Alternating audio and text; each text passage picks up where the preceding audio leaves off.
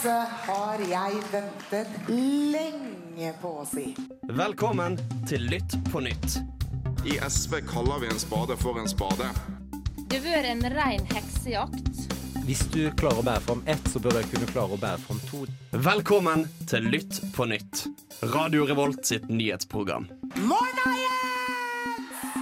Velkommen til eh, ukas eh, sending. Det har jo skjedd eh, ja, litt av hvert siste uka. Vi har bl.a. fått en ny president i USA. Ja. Det skal vi selvfølgelig komme tilbake til.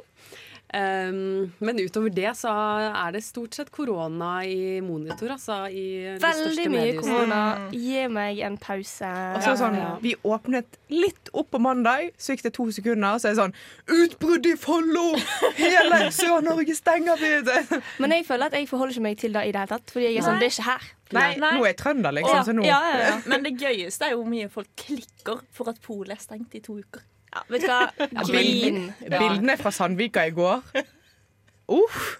Det uh, altså, er halve Oslos befolkning Men- avhengig av å drikke alkohol hver dag. Jeg skjønner ikke Men jeg bare lurer på en ting, fordi at du kan jo bestille uh, på polet på nettet. Det har jeg jo tenkt Du kan jo få det i posten. Ja. Jeg bare sånn, hvorfor, Hvorfor må du være hvorfor vil du gidde å stå tre timer i kø når du kan få noe i posten? Ja. Ja, det, det er veldig godt Kanskje spørsmål. posten, Polet-posten òg stenger, da. At ikke de sender de neste to ukene. Men det gir Ja. jo ingen mening. Nei.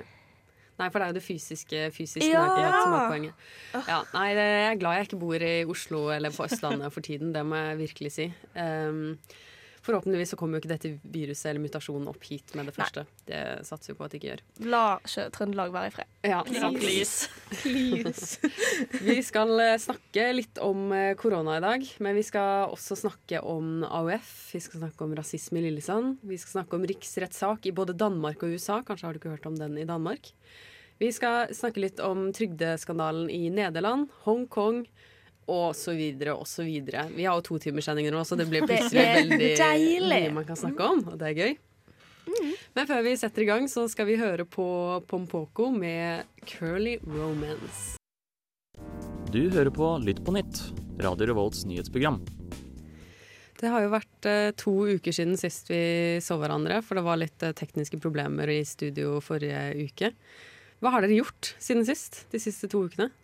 Mm, jeg føler at jeg bare har levd. Det Ting har bare rulla godt. Det har ikke skjedd så mye. Jeg har bare levd. Ja. Ja. Det, det hørtes veldig trist ut, men det er egentlig ikke det. Føler, jo, men Kjenner ikke dere òg på det? Bare sånn, Nå skjer det liksom Det skjer ingen verdens ting. Mm. det, ja. Du bare eh, Men likevel er det masse å gjøre. Ja, men det bare men samtidig ikke. Altså, jeg har begynt å gjøre nye ting nå. Jeg har begynt å lage mat. Drikke vann. Drikke vann. Jeg, jeg begynner å gå opp med det man egentlig skal gjøre for kroppen sin. Jeg lager mat. Altså, det, det handler om å prøve nye ting, da. Meldte ikke du deg òg ut av 3T for to uker siden, da? Men Ja. eh, Ja, det er jo en ny ting Nye ting. Jeg har også begynt med noe nytt eh, denne Eller ikke denne uken, forrige uke blir det vel. Jeg har begynt med surdeigsbrød. Wow. Jeg har blitt en av de. Jeg er litt eh, sent i gamet, føler jeg, men eh, jeg begynte nå, da, så nå har jeg en sånn starter som er blitt god og moden. Skal jeg lage brød til uka. så det er veldig spennende på hvordan det går. Det tar altså eh, 10-12 timer å lage surdeigsbrød. Ja, ja, ja. Altså dagen du skal lage det. ja, Jeg ble pappa helt sjokkert. Jeg det. visste ikke at det var så det- ja. eh, tidkrevende. Men man har jo på en måte tid til det. Ja, det har man jo jeg. absolutt. Jeg føler er også man får en illusjon av at man har så mye tid, men man har jo fremdeles studier Ja, og ting man må få gjort. ja, jeg prøver å sette meg rett inn i sånn novembermodus, fordi eh, jeg går og stresser fordi jeg skal skrive bachelor dette semesteret. Eh, krysser jeg fingrene på. Og da begynner jeg med eksamen allerede i februar. Og jeg er sånn Vent, skal jeg liksom rett i liksom Du er i eksamensperiode, du. Ja, jeg er midt i eksamensperioden. Jeg klarer på en måte ikke å tvinge hjernen min til å skjønne det ennå. på en måte Nei.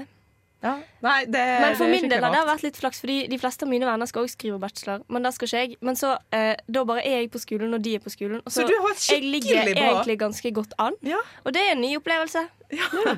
Ja, jeg, ligger, veldig, veldig jeg føler jeg ligger tre uker bak, og vi har bare vært her i to uker. Liksom. Altså, vet dere hva jeg har gjort? Jeg har kjøpt bøker til alle fag. Og vi er ikke i måned tre. The Men det, bare minimum. det, ja.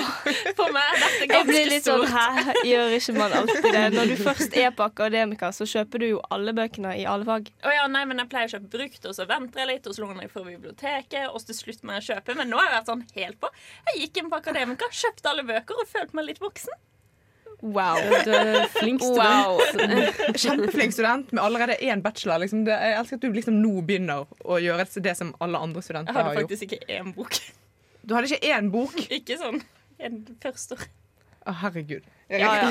Det er jo i hvert fall i gang med studieår alle sammen. Da, og godt i gang med å lese lærebøker og alt mulig. Eh, Jeg tenker vi skal høre en låt før vi setter i gang med å snakke om eh, AUF. Vi skal høre på You'll Get Over It med Jazzable. Da skal vi snakke om uh, AUF. Ja, men jeg skal, uh, det har jo vært en, en ny VG-avsløring. Vet du, sånn VG og Arbeiderpartiet altså, det går liksom ikke. En ikke. liten beef der. Vandetta.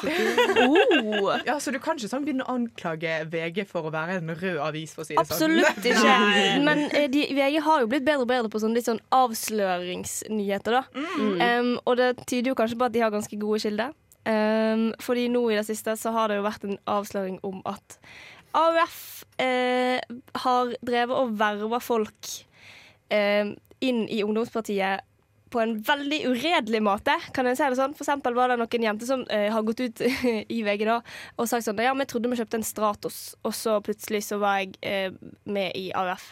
Ja, ja, ja. Men, det, Mm. Men altså, så jeg tenker sånn Hvis du liksom stoler på sånn to 14-15-åringer til å sulle rundt på sånn en eller annen videregående og sånn, skal verve inn folk, tror du at de skjønner hva som er greit og ikke greit? Jeg, Jo, men det er jo det alle politiske eller ungdomspartier De baserer seg på det samme. De òg verver jo med 14-15-åringer som går rundt på skoler. Så de har på en måte ikke noen Men det som er litt måten. dumt, er jo at eh, Eller det jeg reagerer mest på, er at denne saken var òg en sak i typ 2015 og 2016. Eh, Det har alltid vært en Ja, sak. det har alltid vært en sak som blusser liksom opp igjen med jevne mellomrom. Og det er sånn, hvor tid skal AUF lære? Men fra en som var medlem i AUF og lokallagsleder i AUF, så er jo det Det kritiske her er jo hvordan man verver, og hva man får vite om. Man får jo ikke bra nok skolering hvis det er sånn her man verver folk. Åpenbart. Så nei. Hvis dere har noen spørsmål, er det bare å stille nå. Men det er vel også litt en altså Jeg har også vært med i, i organisasjonen, og det er jo liksom press på at det store målet er å få så mange medlemmer som mulig, for da er det lettere å få gjennomslag men for ting. Det er uten tvil. Altså, det var veldig fokus sånn Det er eh, Norges største ungdomsparti, og det er veldig fokus på dette. Mm. Sånn, Jeg var superverver i mitt eh, fylke, liksom. At det er fokus på vi må verve, vi må verve, vi må verve. Folk må komme dit. Ja, for det er vel det som er litt problematisk. At man, at, eh, altså For tenåringer som får det veldig sånn Det store målet er at nå må dere få flest mulig. Ja, da kommer man jo med litt sånn smarte løsninger på å lure ah, ja, folk inn. Det er jo egentlig bare smart, smarte løsninger da, Da kan du begynne å lokke får eh, med politisk fravær Ja, eller ja, ja, og det- også. og Og, nei, nei, nei. Det beste. Ja, vi har masse gratis pizza. Ja, jo, jo, men det er alle politiske organisasjoner. Ja, men de lokker med folk pizza. blir lokka av det. Ja da. Ja. Men den tenker jeg den er ikke så ille, for da Eller i hvert fall hvis de sier det i forbindelse med liksom, Mm. at vi er en politisk organisasjon. Bli med oss, så får du også gratis pizza. Ja, men, eh, Men det er du, noe med det når du lurer gratis, folk inn. eh, d- altså, det der med gratis pizza. Du kan få gratis, jeg har fått gratis pizza av nesten alle ungdomspartier. Ja, du gjør jo Det er genialt. Du trenger ikke være medlem for å få gratis Altså, pizza. jeg har vært på ett sånn her eh, parti Hva heter det? Lo lokallagsmøte, og der Ja. fikk jeg fuckings eh, sånn her kjeks, liksom. Det var jeg, Ja, jeg tror, jeg tror jeg ja, Problemet var at jeg gikk inn i voksenpartiet og ikke ungdomspartiet. Ah, jeg skjønte ikke, jeg skjønte ikke Det den feilen før jeg hadde gjort den. der, nei. Nei, det var sånn der Berit på 45 som hadde tatt med noe sånn her Rema 1000-kjeks, liksom. Det, Men det jeg tenker da, er jo at vi har først den avsløringa, og så hadde vi jo den tidligere eh, med den Utøya-skandalen. Er at AUF må jo ta en opprydding. Det er liksom så mye oppvask som må gjøres. Men virker det det som om de er villige til å gjøre det? men også i- ja, altså, og er det, altså, hvor stort problem altså, hvor stort problem er det? holdt jeg på å si? Altså, dette driver jo egentlig de fleste ungdomspartier med til en viss grad. Prøver å lure Ja, ja. til seg. Det handler bare om å si til disse som verver at ikke lur folk. Dere er nødt til å nevne AUF. Altså nevne at det er det de melder seg inn i. Det må de være klar over. Det er jo ikke på en måte verre enn det. Det skal jo ikke så stor opprydning til. Det er jo bare å Ikke si liten at beskjed. Vil du at dyr skal ha det fint? ja. Ja. ja, Stem på MDG da, i så fall. Og ikke Eller underskriftskampanjer. Ja. for det er jo også veldig mange som har trodd at de har skrevet under på underskriftskampanje, eh, og vært litt sånn Oi, dette kan jo ikke jeg si nei til. Jeg er jo eksempel ikke mot dyrs rettigheter, så jeg kan jo ikke Ja. Fordi at det blir fremstilt på den måten, da, og så plutselig har de blitt meldt inn i AUF uten at de vet det. Er ikke det egentlig ulovlig? Men, Det vil jeg jo tro. Det er jo Ja. ulovlig. Du kan, du kan jo ikke melde folk inn i et parti uten at de vet om det. Men jeg syns det er litt sær, fordi du har liksom en sånn lapp hvor du må skrive på Da er det et midlertidig medlemskort. Og da får du Ja, jeg betaler ti kroner. Så skal du liksom skrive navnet ditt. Og den som verver deg, må skrive navnet sitt, og så får du denne kvitteringa. Ja, men det, det er jo ikke alltid at de har gitt kvitteringene, tror jeg. Jo, det er egentlig det man er plikta til. Ja, men her er det jo åpenbart at de ikke har gjort det de er plikta til. La oss være ærlige. Men er det sånn at eh, AUF og Ap er mye, bare, er mye dårligere enn alle andre partier? Eller er det sånn at, tror dere at eh, alle andre partier og ungdomspartier er litt bedre på å få medlemmene sine til å holde kjeft? Jeg tror i hvert fall Unge Høyre er bedre på å skjule sine spor. Ja, fordi jeg klarer ikke å tro på. Mm. at Unge Høyre eller Høyre liksom sånn er mye bedre og har så mye bedre Altså De er for store parti liksom, og ungdomsparti til å være liksom sånn at de har alt helt på stell. Og Unge Høyre hadde jo en liten eh, metoo-aktig sak i fjor. Eh, Høst-vinter. Det var kanskje rett før jul. Eh, og den har jo vi ikke hørt noe mer om. Hm, lurer på hvorfor. Jo, det er jo fordi at de har gjort skadebegrensning og klart å få det vekk, liksom. Ja. Og den eh, Utøya-skandalen som da var sånn tulling med sex på Altså sånn Det er jo bare revy! Ja, ja, det, det- altså, ja. det er det jo. Med en gang Men- det skjer noe i Ap eller AUF, så blir det liksom sånn Dette er helt forferdelig. Det er helt grusomt. Sjekk denne akkurat Da, skandalen. det er bare revy, men det var jo veldig mange unge medlemmer som følte seg ukomfortable. Ja. Og da er det sånn Er det fortsatt revy? Er det egentlig helt greit? Ja, men sånn skal liksom sånn fuckings Nissen videregående i Oslo slutte med sånn tulling, Men sextulling på revy? Liksom. De er jo 16 år der òg. Du kan ikke sammenligne nissen og en leir hvor 13-åringen går på. Det blir jo litt annerledes. Ja. Ja, ja, jeg forstår det, men samtidig, hva skal de tulle med hvis de ikke tuller med sex? Nei, når du er 16-17 år, så er det kanskje ikke så mye annet som er gøy tulle med. Jeg vet ikke. Ok, Vi håper på at uh, AUF kanskje klarer å gjøre noe med dette problemet nå som det er kommet opp for jeg vet ikke, tiende gang. Vi skal høre på Honey med Ane Brun før vi går over til å snakke om rasisme. Du hører på Lytt på nytt på Radio Revolt. Du har sikkert eh, fått med deg rasismesaken i Lillesand. Men har du egentlig skjønt hva den går ut på? Det har jo vært litt mye forskjellig informasjon der ute. Kan ikke du forklare saken, Erika? Jo, jeg kommer jo fra Lillesand, så dette har jo vært en ganske stor snakkis i byen. Men kort forklart, det kom ut en avsløring, eller Facebook-post, før. Ehm, først om at eh, det var en nei, søskenflokk på tre, alle var jenter. Og av sine klassekamerater og folk på ungdomsskolen så hadde de blitt kalt N-ordet, eh, apekatt, de hadde blitt eh, banka opp. Saken var egentlig avslutta, og masse sånt, så ble de banka opp. Det har vært veldig mye vold. Eh, fokus på liksom etnisitet og alt dette her. Facebook-posten kom ut. Du så liksom hvor de hadde vært på legevakta, at de hadde prøvd å ta kontakt med skolen. De hadde egentlig ikke gjort noe. Så kom denne. Lillesandsposten kom endelig ut med dette her, også rasisme i Norge. Og så blåste jo saken opp. Men det som er en, ganske sykt, da, sånn utviklinga, var jo at det ble lagt ut en eh, sånn post om kontaktinformasjon til foreldrene til disse ungdommene som var mobba. Som gjorde at eh, folk fant ut hvem ungene var. Som gjorde at alle ungene fikk drapstrusler. Så Mm. de som ble mobba, av mob eh, ble mobba for at de var mobbere. Ja, og drapstruet av voksne mennesker, liksom. Ja, av voksne mennesker. Og det her er jo noe som har splitta byen veldig mye. Men det har òg sett litt på agendaen hvor mye rasisme det egentlig finnes i liksom På Sørlandet. Ja. Ja. Men det er jo òg en sak som på en måte veldig mange nordmenn som ikke har noe med Lillesand å gjøre, i det hele tatt har tatt veldig til seg og driver og lager underskriftskampanje om at rektoren på den skolen må gå og sånn. Selvfølgelig, Det må jo være en grunn til at folk har blitt så engasjert i det uten å egentlig vite helt hva det handler om. For det er Ja. det inntrykket jeg har fått, i hvert fall. Men er ikke det fordi at det er snakk om rasisme, og at eh, det har Jo, jo. vært Men mye snakk om det de siste? Og dette er ikke normal sak man hører om ellers. Nei, men så har det jo å komme ut at disse jentene har òg brukt rasistiske eh, ord da, på andre av ulike etnisiteter som har mobba de igjen. Så det er jo flere sider Vent av saken. saken. De som ble mobbet, hadde, hadde sagt rasistiske ting til andre òg. Ja. Så de òg var ikke helt sånn Nei, nei, de er ikke clean, Det er liksom. ingen som har rent meldeposen her, liksom. Nei. Men det sier jo likevel noe om en kultur, da. At det har Mm, vært absolutt. helt normalt at eh, alle er liksom, holdt på å si rasistiske mot hverandre. At det er en sånn Ja, ekstremt dårlig ungdomskultur. Problemet her Ja. er jo ikke egentlig rasismen, eller det er et stort problem, for de er barn. Men problemet er at ungdomsskolen ikke tar tak i dette her. At liksom det offentlige, der hvor de går, dette skal være en safe plass. Men de gjør ikke noe når det er mobbing. Og til en som har gått på Lillesand ungdomsskole, det er en så sterk mobbekultur, og rektoren har aldri gjort noe. Men det er jo veldig typisk. At Det er jo ungdomsskolen. Jeg tror det må være altså skoleledelse Jeg tror ikke det er noen som vet hvordan de skal håndtere mobbing. Nei, nei, nei. Og det er jo fordi at det er veldig vanskelig. Det er veldig vanskelig å håndtere, og ungdomsskolen er jo da mobbing foregår. Jeg husker, Ja, ja. Altså, jeg husker jo helt uh, sånn forferdelige ting som skjedde på ungdomsskolen min med andre liksom, elever. Ja, ja. Fordi alle er usikre og mobber Ja. hverandre. Ja. Ja. Nei, det, det er ikke lett når sånne ting skjer, men eh, uheldig at det ikke blir tatt tak i.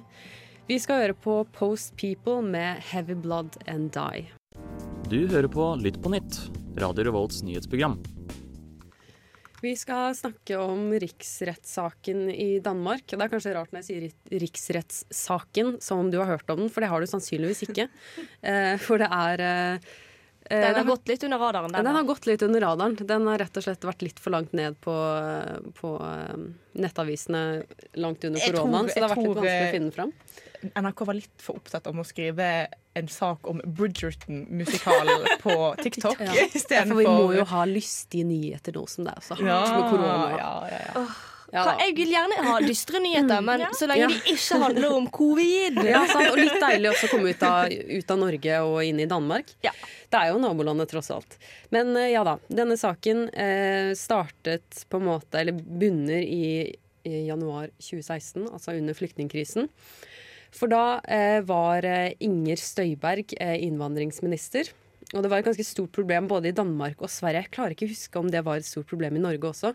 Men i hvert fall det at eh, det var flere mindreårige jenter som kom med sine eldre ektemenn til asylmottak. Og da måtte bo på samme asylmottak som eh, noen de har blitt eh, tvangsgiftet bort til. Mm. Eh, det var i hvert fall et ganske stort problem i Danmark, og det gikk eh, Inger Støyberg ganske hardt ut mot. Og kom med en pressemelding om at alle par der en av partene var mindreårig, skulle splittes da og være på hvert sitt asylmottak.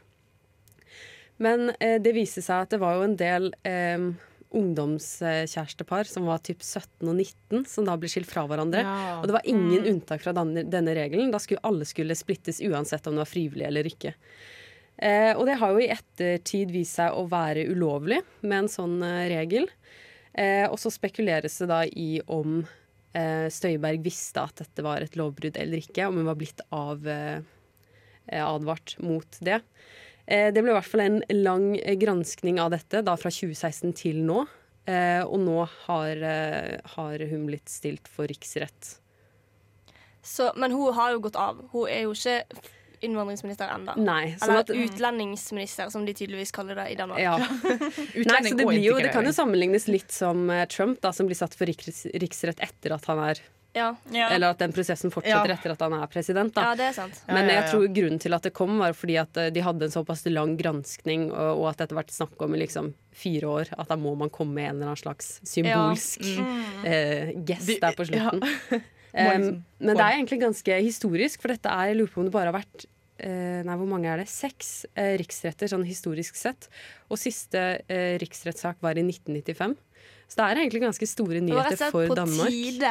med en På tide med en ny runde i Danmark. Jo, men, men det at det er så uvanlig, er jo litt eh, spesielt da at en sak som det her, som mange Mm. har tenkt ikke har vært så Mm. alvorlig. For tanken bak det har jo vært ganske god. Det Ja. At man skal på en måte skåne mindreårige fra tvangsekteskap. Men det er jo veldig typisk når en skal begynne å skrive eh, eh, litt, kanskje ofte litt veldig fort utvikla lovverk som gjelder de her tingene, som er veldig vanskelig. Mm. Så fordi en må jo på en måte vise litt skjønn. Ja. I sånne saker, Men det er jo så er det jo ikke så lett å gjøre det. Og så skal Danmark være innvandringskritiske, og så skal de eh, Så det blir alltid så sykt rotete. Mm. Ja. Og det er jo egentlig bare resultatet av at eh, ting har blitt rotete, da, som nå kommer og tar den her tidligere ministeren. Mm. Nei, for jeg husker at det var i Norge så var det noe snakk om dette her. ikke sant? At det var tvangsekteskap og alt dette her. Men vi drev jo ikke og lagde en ny lov, liksom. Vi gikk mer Nei. hardt ut på det. Og det er jo det når du lager en ny lov, så er det litt skummelt å ikke kunne inkludere alle sider eller alle aspekter av Mm. saken. Ja, og nå har jo hun Støyberg i hele den eh, tiden hun var eh, innvandringsminister, så var hun veldig streng, var veldig kjent for å komme med veldig Ja. store Mm. innskrenkinger. Hun var bl.a. eh, feiret med bløtkake når hun kom med en sånn innskrenking av flyktningloven. Oh! og hun innførte også denne smykkeloven, det at man, som dere sikkert også Jeg husker ikke om vi snakket om det, jeg har snakket om det tidligere, men smykkeloven der man tok fra alle flyktninger alle verdisakene deres, og så ble det på en måte skatten til Danmark for What? At de skulle få lov til å eh, komme inn i landet. Ja, den også ble innført i 2016 i forbindelse med eh, Dette har jeg flyktningkrisen. ikke fått med meg! Så hun var jo en ganske kontroversiell innenrik... Nei, utenriks... Nei, Altså, innvandringsminister. Altså, dette er jo andre verdenskrig. Ja, det, Hun var veldig spesiell i sin tid, så jeg, jeg vil jo tro at det ligger litt i bakhodet når man har Ja, kommet med ja. denne riksrettssaken. Hun er med andre ord liksom en dansk Sylvi Listhaug på speed, liksom. Ja, og jeg, jeg husker I 2017 så hadde hun Muhammed-karikaturer på iPaden sin som bakgrunn, liksom. Ikke sant? Ja, okay. det det, det jeg skjønner litt typen. Jeg skjønner litt at hun ble stilt for riksrett. Ja, ja, men altså, Selv om alle de her tingene er veldig kontroversielle, det er jo ikke derfor hun ble stilt for riksrett. Nei, nei. Nei. Det er jo fordi er jo at hun en- muligens har visst om noe som har blitt gjort feil, og så har hun ikke Ja. gjort noe med det. Altså, Ja. Men det er jo litt den på en måte nådeløse, kompromissløse Ah. Sånn skal vi gjøre det. Mm. Det sier jo på en måte kanskje litt om også mennesket. Ikke nødvendigvis, men sånn skal vi behandle andre mennesker. Ja, det er jo det som er problematisk. Ja, men da fikk dere i hvert fall høre om den saken, selv om ikke norske medier eh, har skrevet så mye om det. Eh, Vi skal høre på Shout at my face med Murder Maids. Det her er Ingrid, og du hører på Lytt på nytt. Fra en rikssak til en annen, en kanskje litt mer kjent eh, riksrettssak, Sak, ja. nemlig den i USA. Den i USA for andre gang. For På samme president. For samme president, ja. ja. Du sa jo i sted at i Danmark så hadde det bare vært seks, og du syns det var litt lite. USA har det bare vært fire. Ja, men for å være et demokrati så er seks ganske lite, men USA er jo Er det ikke nå blitt eh, eh, hva, hva er det det blir kalt? Semidemokrati? Et eller annet sånn eh, liksom-demokrati? Ja, altså- det. Ja, ja. ja det, jeg tipper at det har gått det- nedover på demokratiindeksen, ja. Ja, jeg føler Ja, for jeg tror det har gått vekk fra demokrati Ja. på den eh, ja. Ja, ja, ja, absolutt. ja, for greien er jo at eh, Donald Trump, USAs tidligere president, Oh, er deilig stilt for riksrettssak for andre gang etter hele den greien. hele den greien som skjedde for to uker siden, Ja. eh, hvor da en mobb Altså stormingen av Ja, stormingen Ja. av Capitol Kongress. Hill. Du vet de greiene som skjedde. Ja, ja. Orker ikke nevne det. Jeg er ikke overraska lenger. Uh, og denne gangen kan det hende at ting er litt annerledes. For sist gang han ble stilt for riksrett for et år siden, så var jo det fordi han hadde, det var liksom snakk om at han kanskje hadde prøvd å påvirke ukrainske myndigheter til å spre informasjon om Hunter Biden, som er sønnen til Joe Biden. som er- Nåværende president. i USA. Og at det var sånn OK, eh, en president skal ikke bruke andre, eh, andre myndigheter til å liksom la, gjøre valgkamp på han, for han. Liksom. Mm. Det er jo ulovlig. Men han ble jo ikke felt da. Eh, denne gangen kan det hende at eh, tilstanden er litt annerledes, fordi eh, Senatet er jo ikke like avhengig av Trumps støtte lenger. Og det kan hende at dette her var liksom Dette var en så klar sak at de kanskje flere senatorer føler at de må ta et ordentlig standpunkt. Fordi Jeg husker ikke om det var noen som faktisk stemte for at han burde avsettes sist. Hvis det var noen, så må det vært Mitt Romney, som av og til tør å være ja. litt kul. Jo, det var vel det. Ja. Ja. Men nå har-. Ja, for nå har til og med Mitch McConnell, eh, som da er eh, lederen for minoriteten i Senatet, som nå er Det er han som ligner på en skilpadde. det er han som ligner på en skilpadde. Og som er liksom, ja, ja, han ser ut som en gammel skilpadde. Ja. Og han har vært sånn som har støttet Trump gjennom tykt og tynt og liksom stått på her. Og nå er, kan det hende at han til og med velger å stemme imot han. Fordi det kan være veldig taktisk rett av republikanerne å bare kvitte seg med ham for en gang for alle. Ja, det hadde jeg gjort hvis jeg var Ja, din. fordi altså eh, he- altså, he- helt klart så kan ikke han nå avsettes som president Donald Trump, for han er jo ikke president lenger.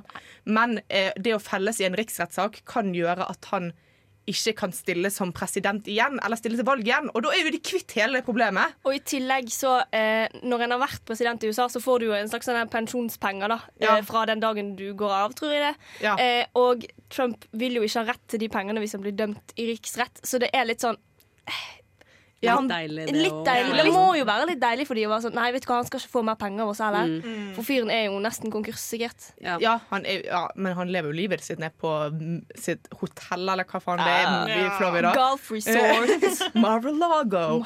Men eh. Ja, fordi ja, Men det kommer iallfall til å bli mye greier framover med dette her. Fordi jeg tror republikanerne er veldig splittet mot en eller annen sånn ekstrem ekstremving som elsker Trump og er med i denne Ja, ja, ja. Trumpismen-sekten-opplegget. Ja. Og de som på en måte fortsatt har moral og verdier, bare er konservative, liksom. Ja, og så tror jeg det er bare fordi at denne storminga var så klar og tydelig. Du kan ikke si at dette ikke var Trump sin skyld, når han sa liksom 'gå til Ja, ja. Altså, han sa jo ikke eksplisitt 'gå og drep alle senatorene', men han Men det var noen som hadde planer om det. Det var noen som hadde planer om det, og han prøvde ikke å stoppe det. Nei, det, det, det var så ille Før liksom siste sekund han sa 'We love you, go home, you're Ja. very special'. Men det ble jo bygd en galge hvor Penn skulle bli hengt. Vi, vi var Det der. syns jeg er så Ja. middelaldersk at det er ikke sjarmerende engang. Det sier noe om hvor USA er i Ingenting, men det dag. var sjarmerende.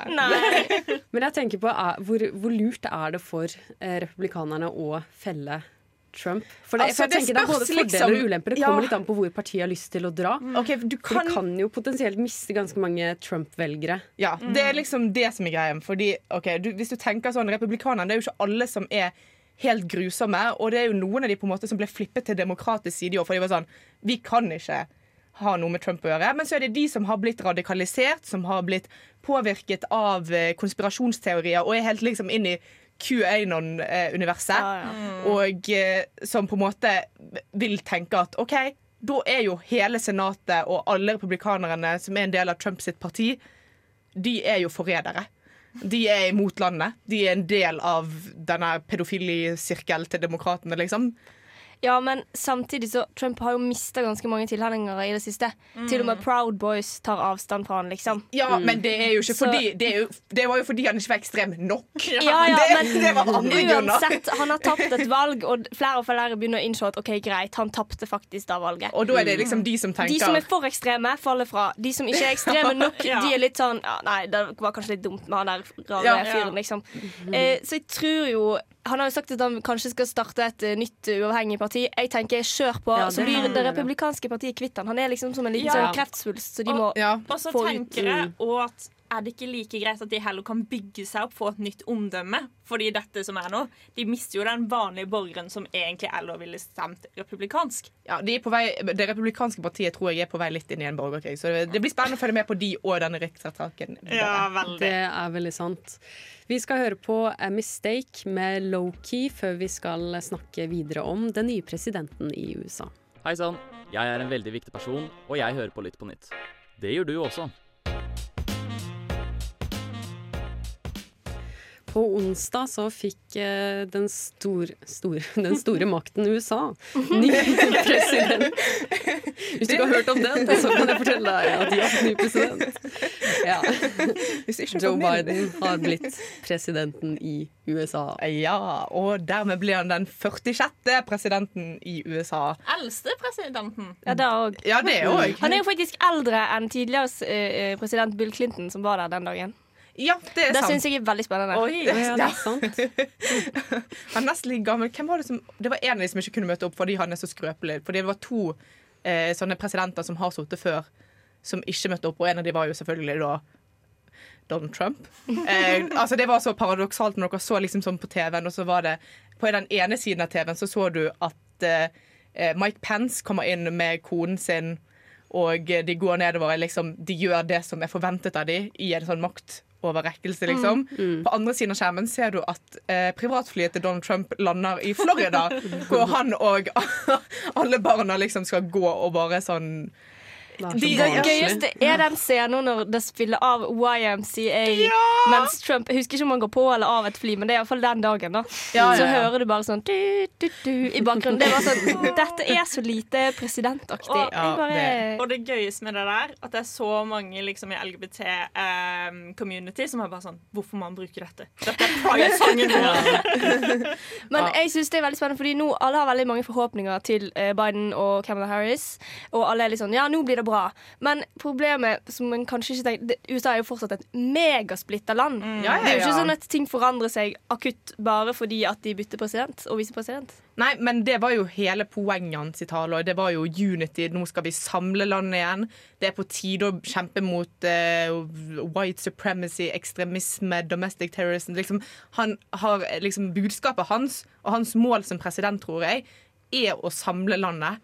Er, altså, Og det og fremst, er en vanskelig oppgave. Ja, det er en vanskelig Mm. oppgave, og han skal, jeg tror han skal prøve å skape litt bånd. For det første han gjorde den dagen, nesten, var jo å melde USA inn igjen i Parisavtalen. Åh, ble dere ikke Mm. bare så glad når det skjedde? Altså, det lå jo i kortene, selvfølgelig kom det Det til å skje, men likevel, hvor lettet Ja. blir man ikke når det åh. Åh, det var bare så fint. Ja. Ja, ja, det var så fint å se på han. Han tok ansvar for koronaviruset. Nå må alle bruke munnbind på Han har jo ikke myndigheten til å bestemme hva alle i alle stater skal gjøre, fordi at ja, USA sånn er. funker systemet sånn. Ja, eh, men i alle føderale bygninger, alle bygninger som staten har kontroll over, må alle nå bruke munnbind. Og det er liksom sånn veldig symbolsk gest på at han tar dette her mye mer seriøst enn Mm. det Trump gjør, liksom. Og har planer om å ta ansvar, liksom. Mm. Men samtidig så må man jo huske at det meste av det han har innført til nå, er, burde vært en selvfølge. At han er ikke en god president bare fordi han gjør det som jeg ville tenkt er minstekravet. Ja, ja, han har jo bare reversert liksom, Ja, det skaden. kjipe Trump har altså, gjort, liksom. ikke alt, men liksom det han. Mm. kunne gjøre på en dag. Liksom. Det er mer sånn at du ser faktisk hvor mye USA trengte en moderat president. Han, Ja. For han er jo moderat. Han men- er veldig vanlig. Ja, det er veldig Og det vanlig. er Men det er deilig. det er da en trenger. trenger noe. En vanlig, Mm. litt kjedelig, gammel hvit mann. Altså, helt greit. Kan vi snakke i to sekunder om en fyr som er òg en gammel hvit mann? Bernie Sanders! Ja!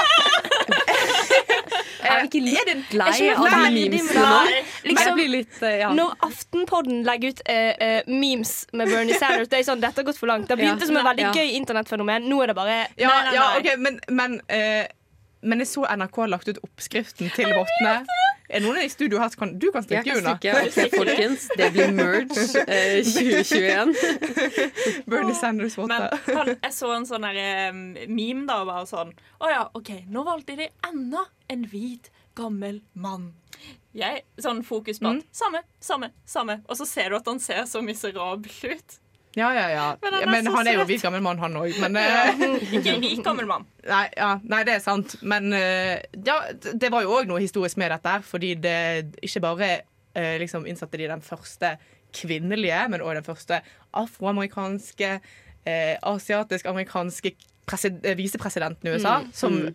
Det var stort. Det, var- Det var, på, det var ja, det var på tide, og det var en stor dag Ja. for i, i alle fall alle demokratiske kvinner i, og, i USA. Eh, Og resten av verden. Ja. Nei, det var en gledens dag, det må Det vi var kunne det. si. Det var- det var fint. Sånn, helt ærlig, jeg grein litt. Ja, det var ganske flott.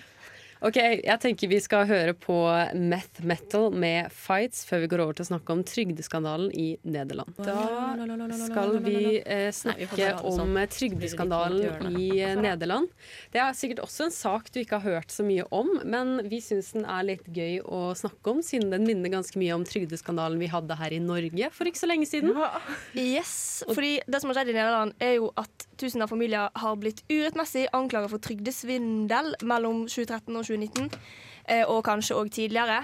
Um, og det er eh, nå en advokat på vegne av ofrene som har levert en formell klage på tre nåværende ministre og to tidligere ministre. Um, og de har gjort en granskningsrapport som viser at tusenvis av familier har blitt fratatt støtte etter at de har blitt anklaget for å svindle seg til barnetrygd. Mm. Um, og de har, mange har måttet betale tilbake masse, eh, hundretusenvis av kroner, uten en egentlig grunn. Så de har jo havna i økonomiske problem pga. at eh, de har måttet betale tilbake penger som de ikke skulle ha betalt tilbake. Uh, og det er rundt 26 000 mennesker som er ramma av denne skandalen.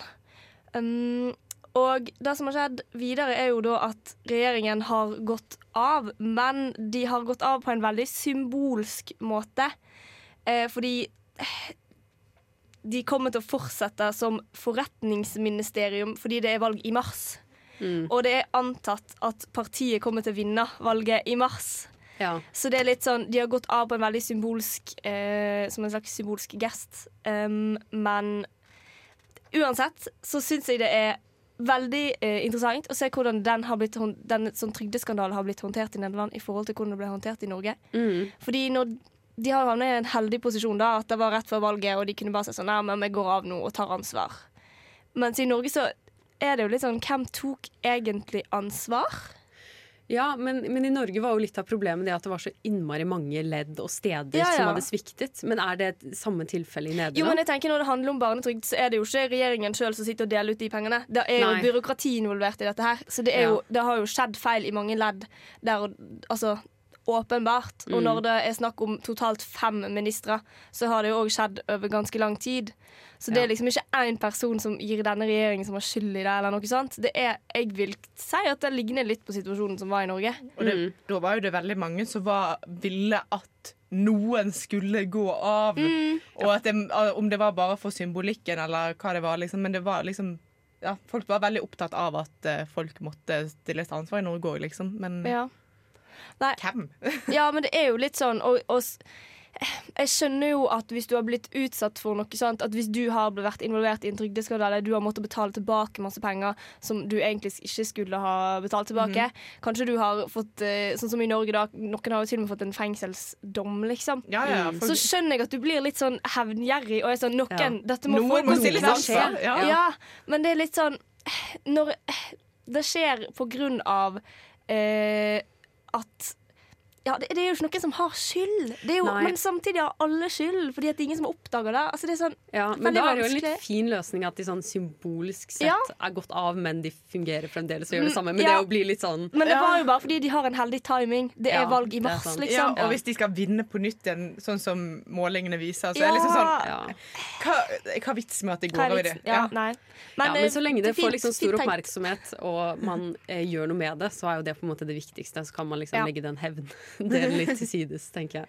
Men det er jo eh, um, Det er lenge siden vi har hørt noe om trygdeskandalen i Norge nå. Så det blir jo spennende si. å følge med videre, for det kommer jo åpenbart til å skje noe. Ja, Jeg de tror, holder vel de holder på er alt som ikke het koronaviruset i mars. Ja, Ja. vi må bare vente til det er over, så kommer det Kanskje det har skjedd masse, å si. men vi har bare ikke fått det med oss. Ja. Det blir spennende å se om det kommer noe plutselig. Ja. Vi skal eh, høre på DNA av eh, Eirik Aas. Du hører på Lytt på nytt på Radio Revolt. Det har jo vært litt gjennom Det har vært litt gjennomgående hele sendingen i dag at vi liksom poengterer det at det er bare koronasaker i nyhetene, og at vi ikke får med oss det som skjer i verden. Og her kommer liksom nok en sånn svær ting som vi på en måte ikke har fått med oss. Og det er at Hongkong ikke lenger er et demokrati. Det er, det, er, det er null demokrati igjen i Hongkong. Null ytringsfrihet. De er blitt som en vanlig by i Kina. Ja, jeg fikk med meg det ikke på noen sånn nettsaker eller på noen aviser. Sånt. Jeg fikk med meg det i en forklart episode til Aftenposten. Ja, og de går litt sånn under radaren. Man må være litt spesielt eh, interessert for å få tak i det. Men jeg har ikke sett det på noen nettaviser. Altså. Men for å liksom forklare, da. Så eh, dette skjedde da andre uken i det nye året. Det var da på en måte Kina kom med nådestøtet. Dette har holdt på lenge. Eh, og bare sånn for å eh, ta det litt sånn historie Vi har jo snakket om dette før, men vi tar en liten recap. Altså vi husker hva som er greia med Hongkong. For det var en britisk koloni, eh, og i eh, 1997 så ble de på en måte overrakt til Kina, men med betingelsen om at de skulle fortsette å være demokrati, de skulle fortsette å ha valg og ytringsfrihet og på en måte ha de rettighetene som de hadde under England. Eh, og det skulle vare fram til 2047, med liksom den tanken om at Kina skulle bli et mer eh, frihetsland innen da, at de skulle bli et slags demokrati. ja. Ja. Ser ikke ut som det kommer til å skje. Eh, men det ble jo brutt eh, ganske Eller var vel i 2014 så begynte de med sånne innstramninger. Eh, og det har de jo fortsatt med, fortsatt med da siden 2014 og fram til i dag. Og i 2019 så begynte Hongkong med helt enorme demonstrasjoner. Altså Det var to millioner mennesker ute i Mm. gaten av syv, syv millioner. Det og snakk om å få store mengder av befolkningen ut uh, til å demonstrere. Eh, men det har jo bare blitt slått ned på. Det har kommet nye sikkerhetslover som gjør at de ikke får lov til å snakke med media. De får ikke lov til å snakke med utenlandske mediehus. Eh, og ja, mistet mer og mer ytringsfriheten. Og nå i eh, høst, nei, Nei, det var vel i sommer. Så kom de med en lov som gjorde da at de ikke kan De har ikke ytringsfrihet lenger, da, sånn Mm. i, i praksis. Eh, ja. Og så kom da nådestøtet nå eh, til slutt om at de da nå ikke kan gjøre noe som helst. Og sånn som en kjenner Kina, så er det neppe tilfeldig at det er akkurat nå. Fordi at siden alle er så opptatt av covid og ting som skjer i sitt eget land, så får en ikke like mye med seg. Mm. Og når det skjer sånne ting i Kina og i Hongkong. Eh, Ja. så jeg tipper at det var nok ikke tilfeldig, dette. Kina er Men ganske gode på å få som- ting under radaren. Altså. Ja, ja, de er jo flinke, men det er jo veldig lett å gjennomskue, da. Ja, Bør ikke ja, ja, verdenssamfunnet herregud. og mediene klare å gjennomskue det og Jo, vi bør snakke om det likevel? Men folk vil tydeligvis lese om korona og sånne ting, da, istedenfor å Ja. lese om Men- ting som skjer i Kina. Men det som er så skummelt når ikke dette kommer i aviser, sånn at folk ikke får det med seg, er at man kan presse regjeringa og bare sånn Du, nå må vi gjøre noe, liksom. Mm. Fokuser på dette her. Og når liksom covid og covid og covid, så får man ikke gjort det. Og denne prosessen kunne kanskje ha ikke blitt gjort så fort hvis det hadde vært mer. Ja, for jeg mistenker jo litt at uh, verdenssamfunnet hadde ikke gjort noe uansett om det hadde blitt snakket mer om. altså, det. Vi kan ikke gjøre noe med Kina, på en måte. Nei, Men jeg tenker jo likevel at, at det er litt relevant for verdenssamfunnet å snakke om hvor mye vi kan stole på Kina. At det er en uh, dialog man på en måte har når de klarer å bryte en internasjonal avtale på den måten. Mm. Uh, hvorfor skal vi på en måte stole på Mm. de videre? Men det Mm.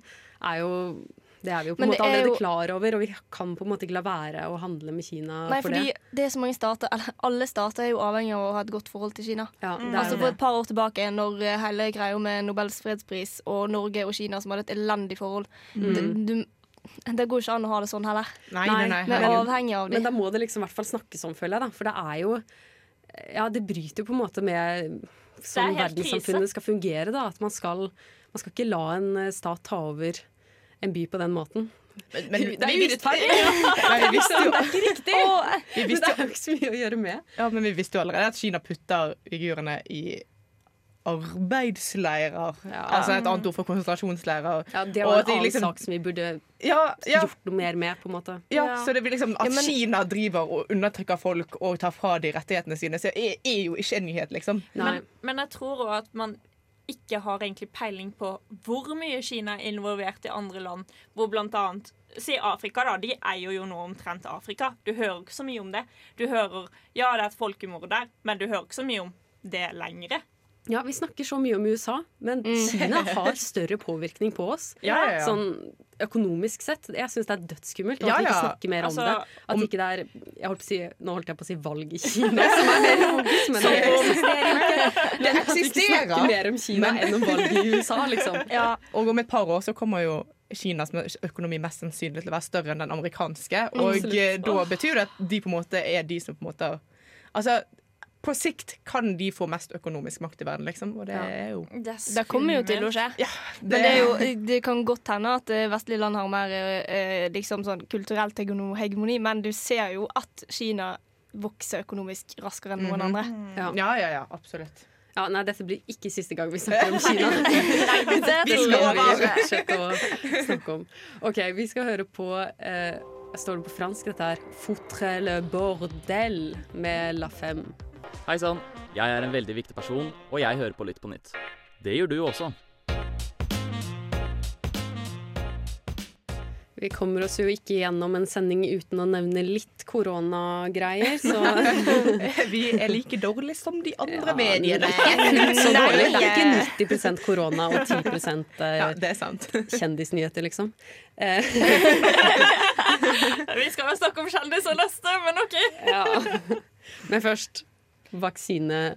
Ja, Trondheim eh, skal jo vaksinere folk nå. Så De skal vaksinere jævlig mange Ja, på jævlig kort Fordi tid. det så jeg. Eh, Jeg fikk annet en melding om at eh, jeg skal få beskjed når jeg får vaksine. Mest fordi at jeg har endra liksom Du er folkeregistrert her, så da får du den meldingen. By accident. Ja.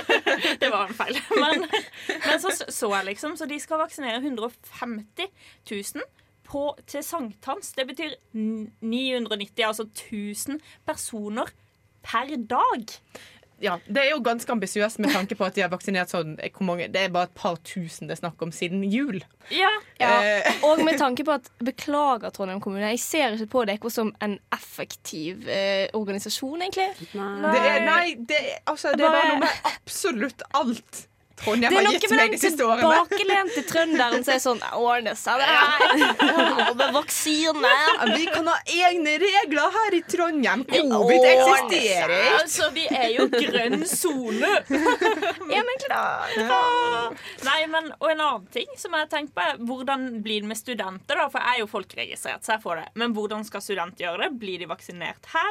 Eller må de hjem til kommunen sin? Men da kan du risikere å spre smitte. Sånn, hva er greia der? Jeg er litt der at vi kommer ikke til å få vaksine Ja. på dødsling uansett, så det har ikke så mye å si. Nei. Jeg merker jeg bryr meg ikke så veldig. Vi blir jo nedprioritert hver gang. Hva får oss til å tro at vi skal få vaksine i det hele tatt? Jeg er ikke gammel eller helsearbeider, så den kommer ikke jeg til å få før jeg har dratt hjem til sommerferie uansett. Så det er sånn Nei. Det er ikke noe å være trist over. Det går fint, Oda. Det går fint. Men helt ærlig, sånn, vi studenter blir ofte nedprioritert under denne pandemien. Sånn Hver eneste sak som kommer opp, handler om ah, studenter dit, studenter datt, studenter datt. Jeg ser nesten for meg at hunder får vaksine før oss. Vet du hva? Jeg hadde ikke blitt overraska i det hele Det blir en del av vaksineprogrammet på barneskolen Ja. før vi får liksom. Selvfølgelig gjør det det. altså, Å ja, studenter de skulle ha vaksine. Ah, fuck, studenter eksisterer, ja. Å ja, unge folk som ikke Sånn mennesker som ikke er under 18 eller over 35. De eksisterer! Altså, De har veldig lite penger, hvorfor kan vi ikke gjøre at de får dårlig helse òg, liksom? Ja. Ja, det er jo ikke veldig kritisk for oss den heller. Jeg merker jeg synes det er helt greit at jeg, jeg kan godt være den siste i Norge som får den. Jeg. Hvorfor? Vil ikke du leve igjen? Jo, jo, men det er jo ikke sånn at jeg ikke Altså, når hele befolkningen bort fra meg er vaksinert, så kan jo jeg leve rundt. For det er jo ingen som blir smittet av meg. Jeg, jeg kan bare smitte meg selv, liksom. Ja, men Vil du ha liksom redusert lungekapasitet for resten av livet? Fatigue og sånne ting? Det Så gidder lenge ikke jeg kan feste, så driter jeg litt i det. Men jeg liksom mikrochippet. Jeg bryr meg ikke, bare så jeg kan dra på konsert. Jeg liksom, Alt er greit. Alt er greit. Gi meg 5G-vaksinen. Så, sta, staten hva, hva vil de synes er interessant med mitt liv? Uansett. Ja, ok, Jeg tror ikke akkurat uh, vi, uh, Trondheim klarer det målet sitt, men vi får nå se. Vi skal i hvert fall høre på Post People med uh, Unnskyld. Heavy Blood and Die. Det er Tete, og du hører på Lytt på nytt. Ja da, vi blir ikke ferdig med korona helt ennå. Det har jo skjedd litt hva skal man si, dem- demokratiske ting, holdt jeg på å si, eh, i forbindelse med korona. Eh, Stortinget har jo overkjørt eh, regjeringen på Skjenke. både Skjenk. skjenk Er det noe mer òg, eller er det bare skjenk? Det er bare skjenk. Det er skjenk. og, og vi da. permitteringsordninga til oktober ja, istedenfor Ja, jul. det og var sånne ikke noen ting. studentgreier. Ja. Ja, det, Det er, det er eh, Jo, en milliardpakke til studenter. Å, Det tror jeg faen ikke før ja, jeg ser det. vi får mer stipend. Ja. That's a lie! Ja. For eksempel med lån. Fordi- Før jeg har de pengene på kontoen, så Ja, tror jeg dette men det er faktisk Ap og Frp som samarbeider. Og jeg føler Ja. når de samarbeider, så skjer det egentlig ganske fine ting. Sånn som pensjonistordningen til regjering med Frp. Liksom. og Arbeiderpartiet? Er det? Det er jo det vi skal få til høsten. De men, bare ut at bare stemmer etter stemmene til studentene. Ja, men er det ja, ja. den det. bioteknologiloven? Det er valgkamp, vet du. Men er, er korona blitt valgkamp nå Ja. med denne avgjørelsen? Ja, men eh, det, det er vanskelig å svare på, føler jeg. Det er liksom eh, Altså, dette her var jo noe altså, som Stortinget så seg uenig med regjeringen i. Så da tok de en beslutning på at på steder hvor du kan servere mat, burde du òg kunne ta deg et glass vin før, før klokken tolv. Og ikke slippes inn etter klokken ti. Nå høres du ut som en Frp-er. Jo, men det gjør jo mening. Ja, det Ja, gjør det. ja, altså- jeg synes jo egentlig Jeg merker jeg er litt enig med Stortinget. Eh, og det er jo også eh, viktig på en måte at Stortinget innimellom Og de har jo ikke gjort det så mye fram til nå. Nei, de at har de på en måte utfordrer regjeringen litt. da At regjeringen har ikke monopol på Men det er jo mindretallsregjering. Ja. De er jo helt innafor at de gjør dette. Hvorfor skal ja, de ikke gjøre det? ja. Ja, Og jeg og- syns på en måte det er litt irriterende, selv om jeg skjønner det er jo også litt riktig at det er litt valgkamp i det. Men alt kan man jo si er valgkamp, men det er jo Ja. også meninger de faktisk har, og ting de faktisk mener bør være annerledes. Ja, ja, fordi det, det er liksom Alt er jo litt valgkamp i år. Og så er det liksom sånn Ja. jeg, jeg tror det var Audun Lysbakken som hadde et ganske greit poeng med dette. At liksom, altså Regjeringen har jo fått utrolig lite kritikk, og de har på en måte bare fått innført det de vil. Fordi sånn som eh, denne smittevernsgreien i Norge Ja. fungerer nå, så er det veldig sånn Det er basert på at ting skal være veldig akutt. Det skal være utrolig akutt, og det var jo veldig akutt i mars. Men nå har jo dette blitt en situasjon som har vart i nesten et år. Så da er det jo på en måte ikke så akutt at ikke du kan ta noen høringer med Stortinget før Ja. du innfører ting. Og det Det er jeg faktisk helt enig med eh, Lysbakken i. Og så er det ikke bare det, men det er også sånn Dette har jo ramma bedrifter, bare restauranter, ekstremt mye. Å ta fra deg disse hjem, det blir bare mer konkurser, mer konkurser. Og dette er veldig bra for samfunnet og bedrifter, ansatte. Så det Mm. er jo egentlig ganske viktig at vi holder sånne ting åpent, men med restriksjoner. Men jeg tenker faren her er jo at en i stedet for å følge helsemyndighetene sine eh, forslag om hva en bør gjøre, så følger heller Stortinget ting som setter de et bedre lys. For du, ja, men det Ja, kan det har- jo skje. Ja, Ja, det er men det hvis- man er redd for, men det kan man alltid si, på en måte. Ja. Men hvis Stortinget overkjører regjeringen, og det, og det blir mer smitte i Norge, hvem tror du får skyld da? Det er jo ikke Høyre og Venstre og KrF, det er jo alle de andre. Det gjør at de ser dårlig ut. Ja, mm, mm. Men for så, det blir Ja, dette blir nok ja. eh, ikke siste gang vi snakker om om Eh, covid blir eh, valgkamp, så vi får eh, Ja. Det kommer mer. Vi skal høre på Athens med All Burger Beats. Du hører på Lytt på nytt, Radio Revolts nyhetsprogram. Da er det duket for eh, kjendisspalte, og den sender jeg rett til deg, Erika. Ja, for det er min favorittspalte, som vanlig. Og i dag skal vi snakke om noe veldig gøy. Influensere som reiser til Dubai og blir sinna for at folk kritiserer dem. For de må jo få lov å reise. Folk reiser innenlands. Hvorfor kan ikke de reise utenlands? Jeg tenker at Hvis du reiser til Dubai under en pandemi, så eh, kanskje du blir sur når folk kritiserer deg. Hvis det er liksom minimumskravet, føler jeg. Hvis du har tatt på deg en, en reise til Dubai åh. Ja, og Dubai har jo liksom markedsført seg sjøl sånn Her trenger ikke være i karantene. Her er det liksom her er du trygg for korona. Nå har de fire ganger så mye smitte som Norge, og eh, sykehusene er overfylt. De, kan, de utsetter alle ikke livsnødvendige operasjoner. Lurer på hvorfor det har skjedd, da. Ja. Så, ja, og om de tar med den smitten hjem til Norge, så blir jo det kritisk. Og det gøyeste er at de legger dette på Instagram. De legger dette ut på bloggen sin. Det er content. Ja, og jeg tenker, har vi ikke lært noe av stormingen? I USA. Sånn, Du legger ikke ting ut, da blir du tatt. Hvis du skal. Jeg var sykt usikker på hvor du skulle Hvor er likhetene? Det gir så sykt mening!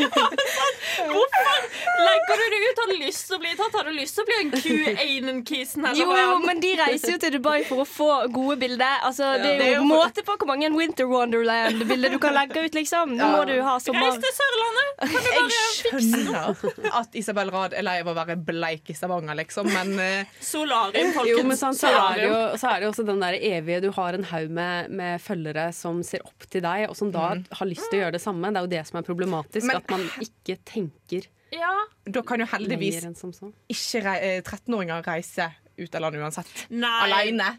Så, men, men, Nei, nei, men, li, men likevel, det er jo Ja. bare 13-åringer som følger oss. Liksom, ja, det blir litt ja, det- eh, jeg synes det- det hva man viser er greit og ikke. Ja, som det blir Det som irriterer meg, er bare at influensere tenker at dette er helt greit, bare Ja. fordi de har mulighet til dette. Og vi, det er en pandemi, folkens. Det er jo ikke ulovlig, men det er jo sterkt frarådet å ikke dra på nødvendige reiser ut av Norge. Og det er jo sånn de aller fleste respekterer. Ja, enkelt og greit.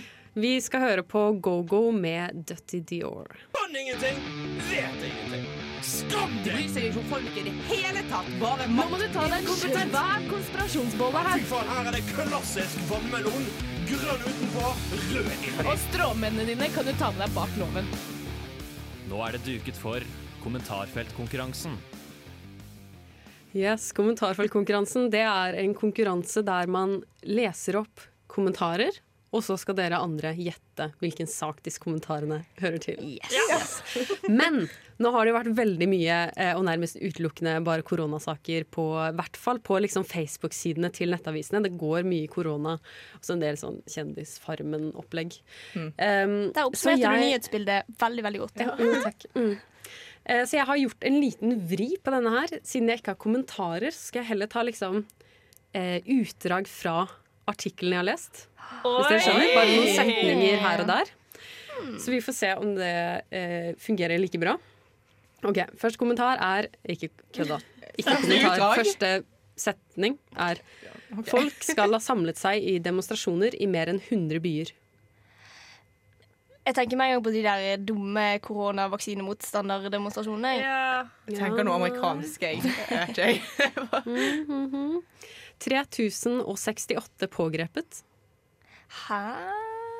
3000 Har, det, det, har dette ingenting med covid å gjøre? Niks. Wow. Ah. Det er litt av poenget mitt her, at dette er en sak Russland? som eh, Ja. Russland i forhold til at eh, eh, han som Navalny. Navalny. Navalny. Så nå skulle det være en svær demonstrasjon. Som, det er faktisk flere på TikTok som har liksom kommentert dette og liksom prøvd å forklare saken. Mm. Kan jeg bare, Siste setning er da eh, Det er også bilder av demonstranter som kaster snøballer på politiet. Det syns jeg var litt koselig. Jeg så den videoen, og så Det var sånn det, det, Nei, og det var, det var litt hyggelig, nesten. Ja. Og politiet hadde, politiet hadde liksom på seg hjelmer og masse sånne greier, så de bare sto helt i ro mens de ble kasta snøballer på, og bare så De brydde seg ikke. Og det var veldig, veldig bra.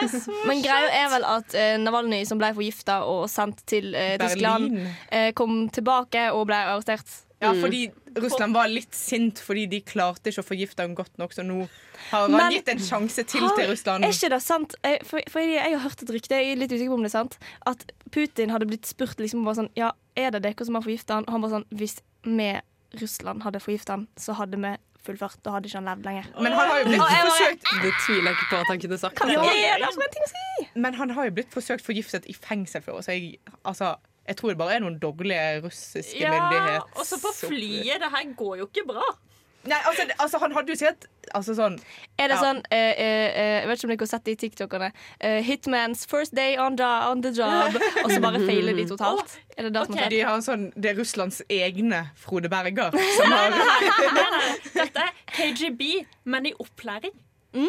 Jeg ville kanskje ikke brukt folk i opplæring på akkurat han her. Han er jo en politisk motstander til Putin som er ganske sånn ja, Han er vel den største Ja. trusselen på en måte mot eh, Putin. da. Mm. For det som er at Disse eh, demonstrasjonene har blitt ganske store. Ja, Som sagt så var det liksom over 100 byer eh, og ganske mange demonstranter. Overvekt av unge folk. Eh, veldig mange som aldri har demonstrert før. Så det er liksom tydelig at eh, denne saken er eh, viktig for folk. Da, at man ser et slags håp om at man kan endre eh, jeg vet ikke, styresett, eller i hvert fall endre et eller annet i Russland. da. Mm. Eh, veldig mange mindreårige som er pågrepet, som jo er litt eh, Jeg så en tolvåring som hadde blitt pågrepet. Det er, Ja, det er sikkert en av videoene som er blitt eh, spesielt rundt. Ja. å gjøre. Men det som også er kommet fram her, eh, samtidig som han eh, som heter Nalani Navalny. Navalny. Jeg hørte at det egentlig sies Navalnysj på russisk. Okay, Men greit. samme det, i hvert fall. Han har også eh, lekket det at eh, Putin har et slott nede i, i sør i Russland. Eh, vi snakker liksom eh, 39 ganger større enn Monaco. Han har liksom han har skøytebane, han har kasino, han har vingårder på denne eiendommen. Helt enormt, som han, han da har brukt statens penger på å bygge. Og der har også eh, sikkerhetstjenesten i, eh, i Russland De har også liksom egne områder av hver av de privatpersonene som er med der. De har også fått liksom en del av denne eiendommen. Så det er noe av det eh, som han har satt lys på nå, som jo er et stort korrupsjonsproblem, Ja. som gjør at mange Og- blir veldig engasjert. Men er vi overraska? Nei, men samtidig Jeg vet han er en diktator, og alt det der, men jeg har jo dritlyst til å reise dit. altså, men, altså, sånn, Solkongen i Frankrike brukte jo jævlig mye penger på å bygge Versailles med liksom, staten sine penger. Så du tenker du at det må være altså, lov? Det kommer fine ting ut av disse korrupte greiene. Fine bygninger. Fine bygninger. Versailles er jo nydelig, liksom. Men jeg merker, jeg synes det er litt spennende at det er så mye eh, uro og demonstrasjoner rundt korrupsjonen i Russland nå. At det virker som folk, og spesielt da unge folk, bryr seg litt. Og det er jo kult. Ah, at man får litt håp. Ja. Ja. Elsker Gen Z. Ja, det er, jeg syns det er litt spennende. Jeg gleder meg til å se hvordan det fortsetter. Dette blir, det, jeg, har, jeg har håp for Russland. Ja. Tja, egentlig ikke, men det er, det er gøy at det skjer noe. Mer håp enn Kina. Ja. Hei sann, jeg er en veldig viktig person, og jeg hører på Lytt på nytt. Det gjør du også. Vi er jo i gang med valgåret 2021, og vi har allerede snakket litt om valget på forrige sending. Mm. Men det Men stopper jo ikke eh, der. det stopper jo ikke der. Fordi eh, vi merker jo at eh, Eller jeg, som følger kanskje litt mer med på norsk politikk enn mange andre gidder.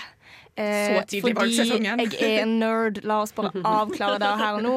Eh, merker jo at valgkampen er i gang. Eh, vi snakket jo nettopp litt her av lufta under låt at eh, Erna Solberg har begynt å være med på podkaster, for eksempel. -hmm. Det syns jeg er veldig spennende. Eh, det, det, det, var litt sånn Hæ, Erna, Erna Ja. er med på Harm Hegseth, liksom. Og Harm Hegseth og Lørdagsrådet. Hvem Ja. er det når liksom? Så kul. Men poenget her eh, som jeg har lyst til å ta opp med dere i dag, er at eh, vi merker jo at media framstiller politikere på veldig forskjellige måter.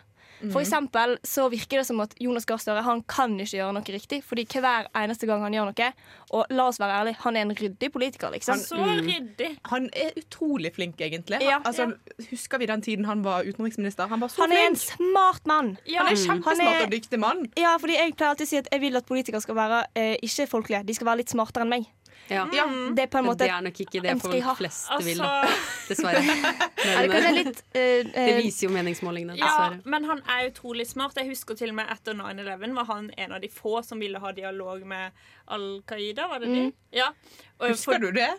Hæ? Jeg tror, ikke du, jeg tror ikke du husker det. Jeg tror du har blitt fortalt det i ettertid. Du var vel sånn tre år når det skjedde. Nei, men hele det der med at han ville ha en dialog med dem på hvordan kan vi skape forandring. Han var den eneste utenriks, eh, utenriksministeren som gjorde det. Han er smart, men det er kjipt at liksom Vedum Han er så morsom! Ja, fordi det er nettopp Han er et syngende fugleskremsel! Ja, fordi Vedum blir liksom framstilt som en sånn folkelig jazzefyr, liksom. Som bare Alt han gjør, er gøy og bra. Morsom latter. hva slags politikk er det egentlig han driver? Da klarer jo ikke han å svare på sjøl engang.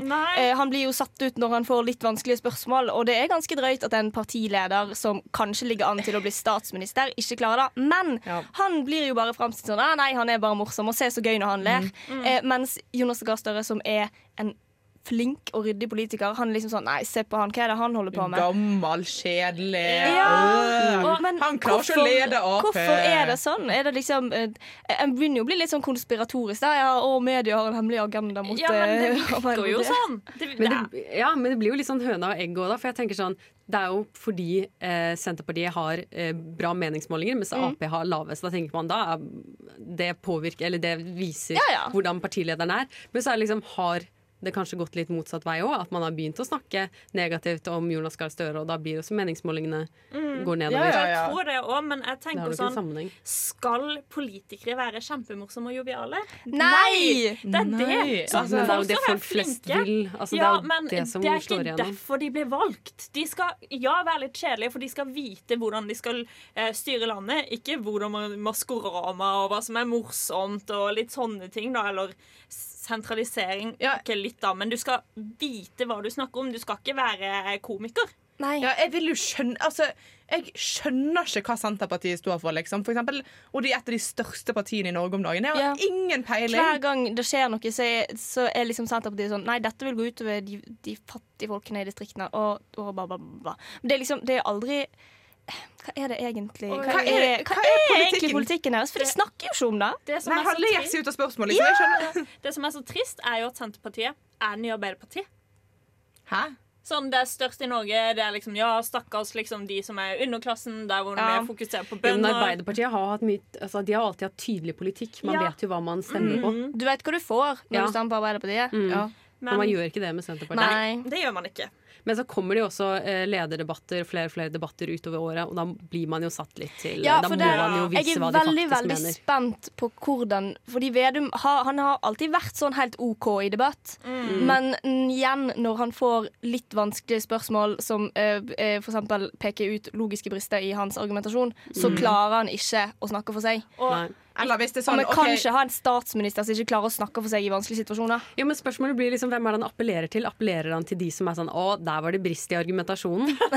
okay, Der jeg tviler litt på at det Nei. kanskje ikke påvirkes så Nei, veldig og- Og så tenker jeg at når det snakkes om korona Fordi han snakker jo ikke annet om helse sånn veldig mye, og når han skal ha debatter om dette, hva har han egentlig å komme med? Du snakker vel sikkert om at sykehusene på distriktene blir lagt ned. Det er jo Ja, men that's Og det Ikke bra. Ja, det blir mye hate på Ja, det, ja, Men, nei, eh, det er masse bra politikk. Jeg bare har ikke hørt om han. Det er bare ingen som får med seg, fordi de snakker ikke om han. Da begynner han å tulle med pjolter og pils. Liksom. Eller bare sier at alt skal man velge selv, for dette er litt splittende, og man vet ikke alltid hva man ønsker å stemme på.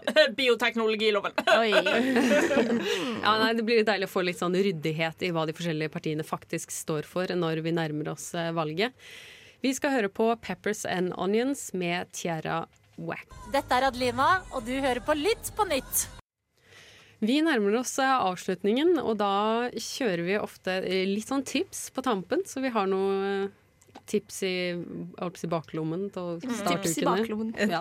Altså, akkurat nå har vi et veldig viktig tips å komme med. Litt sånn Mm. som vi søker jo Søk, søk, søk, søk! Vi søker jo et nytt medlem til vår lille gjeng, vår lille sekt. Vi er en kult.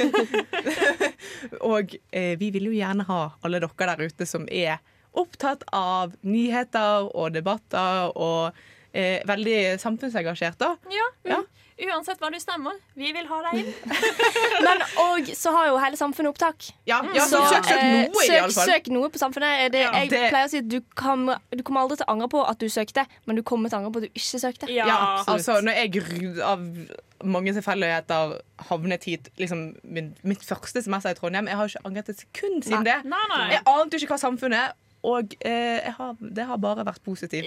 For min del, iallfall. Så Så samfunnet.no slash opptak. søk, og Ja. helst litt på nytt. Altså, ja, Det er mange andre kule ting du kan gjøre, men selvfølgelig er jo eh, vårt program Vi er det kuleste. best, kuleste. Vi er- det beste samfunnet har å gi, så Ja, ja, ja. Vi kan jo alle være enige om det. Og ikke, ikke bare det, du får en liten sånn sosial arena i vår sekt. Ja! Du må slutte å kalle det for en sekt. Ja, men vi er en sekt. Vi har normer, vi har regler. Det er liksom, vi er i vårt lille samfunn. Men jeg vil òg eh, gi et litt annet tips, fordi det er et annet eh, radioprogram her på eh, Radio Revolt som har en veldig bra spilleliste på Spotify. Og det er Feber sin spilleliste på Spotify. Der, oh, mm. altså Det er nydelig. Det er den, nydelig. De oppdaterer den eh, en gang i uka, og den blir det, altså, den Ja, er så den god. gjengen er, er veldig flotte mennesker. Ja. Jeg vil òg tipse om at eh, hvis du ikke har fått med deg at NTNU deler ut munnbind på campus. Alle kan ta med seg to munnbind hver. Vaskbare. Veldig veldig snilt. Tusen takk, Anne Borg. De er veldig, de er veldig stygge. Nei, men De er veldig gode, bare- og gode på seg. De er myke. De er myke, ja, det er faktisk. Men de tar jo opp hele ansiktet. Ja, ja. liksom, det går over øynene. Ja, Jeg må konstant drive og dra det Vet her tar jeg de seirene jeg kan få. Og, Ja, eh, man tar det gratis man kan få. Jeg har litt lyst til å få sånn her uh, klesplaggkolleksjon. klesplaggkolleksjon av munnbind. Sånn hvilket munnbind passer til dette og dette. Og ha sånn Å, ja, 20 sånn, ja. Jeg trodde du Som skulle sånn. lage plagg av munnbind. Oh my god, Det hadde vært så kult når dette er ferdig! Men så Nei. shit. Gjenbruk av munnbind, så blir de til Ja, hei, hei, jeg skal klær. spare de. Spar de til neste pandemi. Nei, jeg skal spare de skal vise det til Ja, ungene mine er sånn sant. Se her hva bestemor måtte gå med i år 2021. Til 2023! Nei, nei, nei, nei, nei, nei, nei, nei.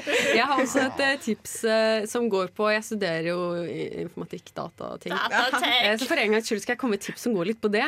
Jeg vil tipse om eh, Signal, som er en eh, liksom Messenger-aktig app hvor du sender meldinger som er krypterte. Det vil si at ingen kan lese de. Det er veldig vanskelig å hacke seg inn. Eh, ikke det eh, der på sånn høyreekstreme USA? jo, for jeg skulle til å si det. Det var der jeg kom på, for jeg bruker det selv. Men da kom jeg på at shit, ja, mm, det er kanskje noe negativt med det også. Men så lenge du ikke skal sånn planlegge terrorangrep og sånn, så er det en veldig fin app for å liksom holde ting litt privat. Da. at folk planlegger terrorangrep? Men skal jeg tenke tenker? Mitt tips til deg der ute Hvis du planlegger terrorangrep, så kan du gjerne gjøre det på Messenger. Bruk, ja, bruk Messenger på Facebook eller Snapchat. Eller Instagram DM hvis du skal terrorisere et land eller sted. hva er dette? Men ellers så er Signal veldig fin app for folk flest hvis man vil ivareta privatlivet sitt. Hvis du ikke er radikalisert, bruk Signal. Det syns jeg vi også skal begynne med å planlegge sendingene våre på Signal. Ja, Sånn sånn at at ingen får vite hva vi skal snakke om før Ja, det skjer. Dette er veldig hemmelig. Det er ikke sånn at folk kan lete etter disse nyhetene fra før. Nei. Nei, nei, nei. Vi har helt unike saker her. I dag har vi faktisk hatt det litt da, i forhold til hva som er i Ja, ja, ja. mainstream media. Så det Wow! Vi er jo faktisk ikke mainstream. Una, media. du kan ikke se singles og mainstream media. Vi er høyreekstreme. Hva skjer med deg, Gunnar? Ja, nei, jeg er blitt uh, Radikalisert i ferien. Ja. OK, greit. Jeg tenker vi hører på Nigel Hitter med 'Shame'. Du hører på Lytt på nytt på Radio Revolt. Vi er ferdig eh, for i dag. Ja. Det er så, det- go- det er Her på alternative mediekanalen ja. Vi Radio snakker om noe annet enn Ja. korona. Ja. Jeg tenker eh, det er viktig å høre litt på Radio Revolt og lytte på nytt, fordi at eh, da slipper du å, å høre kun om covid. Og andre mainstream media-saker. Ja. Du kan høre hvor man kan eh, snakke om terrorismeangrep. Ja, litt sånn alternative ting får du også høre hvis du hører på. Når ble vi en alternativ? Jeg føler Når ble vi et alternativ Fordi Vi er ganske venstre eller midt på, og så plutselig bare helt andre sider. Altså, Jeg vet ikke hvilken side vi har radikalisert oss til. Men det er Nei, det er jeg veldig usikker på. Ja. Eh, det kom egentlig liksom en nyhet på meg at vi var radikalisert der. Jeg ble litt usikker på hvor det kom ifra. Jeg tror kanskje det var Una best. Ja, ja. kan Ja. Ikke legg det på meg. Det kommer litt sånn tics innimellom. Jeg prøver å holde meg ganske moderat ellers. Du får si hvis du havner på en litt sånn downward eh, spiraling eh, YouTube-reise, så kan du Mm. godt si ifra. Jeg skal si ifra. Hallo. så vi kan hjelpe deg. det jeg sier. Una ender opp med å storme Stortinget. Wow! Jeg tenker sannsynligheten er ganske høy. At eh, det blir eh, Hvis det, mm. Du kan jo mobilisere folk nå. Ja, men hvis det er en av oss som skal storme Stortinget, så er det jo Una. Ja. Det, altså, nei, jeg hadde ikke blitt er overrasket. Jeg, tror jeg hadde ikke blitt overrasket om det var Erik og jeg så bilder av henne på Stortinget. Jo, men liksom. vært sånn. Hvis jeg hadde gjort det, så hadde jeg fått gjennomført det. Jeg Ja. hadde kommet meg inn på Stortinget. Erik hadde stått utenfor og banket på døren. Nei, men Erik hadde har trappeoppgangen, vært liksom. på Stortinget flere ganger. Jeg vet ikke. Uh. Men Erika, du hadde liksom vært en liksom og Stortinget med et uhell. Du bare Nei, jeg var bare det. Så Det var noen andre folk som sa sånn 'blir du med inn her?' Og så Og jeg ja. sa bli, ja, bli med, Ja. De lokket meg med kjeks og saft. Jeg Ja, trodde det var- bare det var sånn kirkemenighet. god kristne naboer. Ja, vet du hva? Det tror jeg på. Ja, det tror jeg Jeg trekker tilbake påstanden min om at Una er den av oss som hadde stormet Men vet dere hva jeg òg? Det er så godt å være tilbake. Ja, det er godt, det er godt å være tilbake. Det er det. Vi sier eh, god helg, holdt jeg på å si. Det, helgen er over. God uke! God uke. God uke. Søk Vi skal søk samfunnet. Vi skal høre på 'Therefore I Am' med Billie Eilish.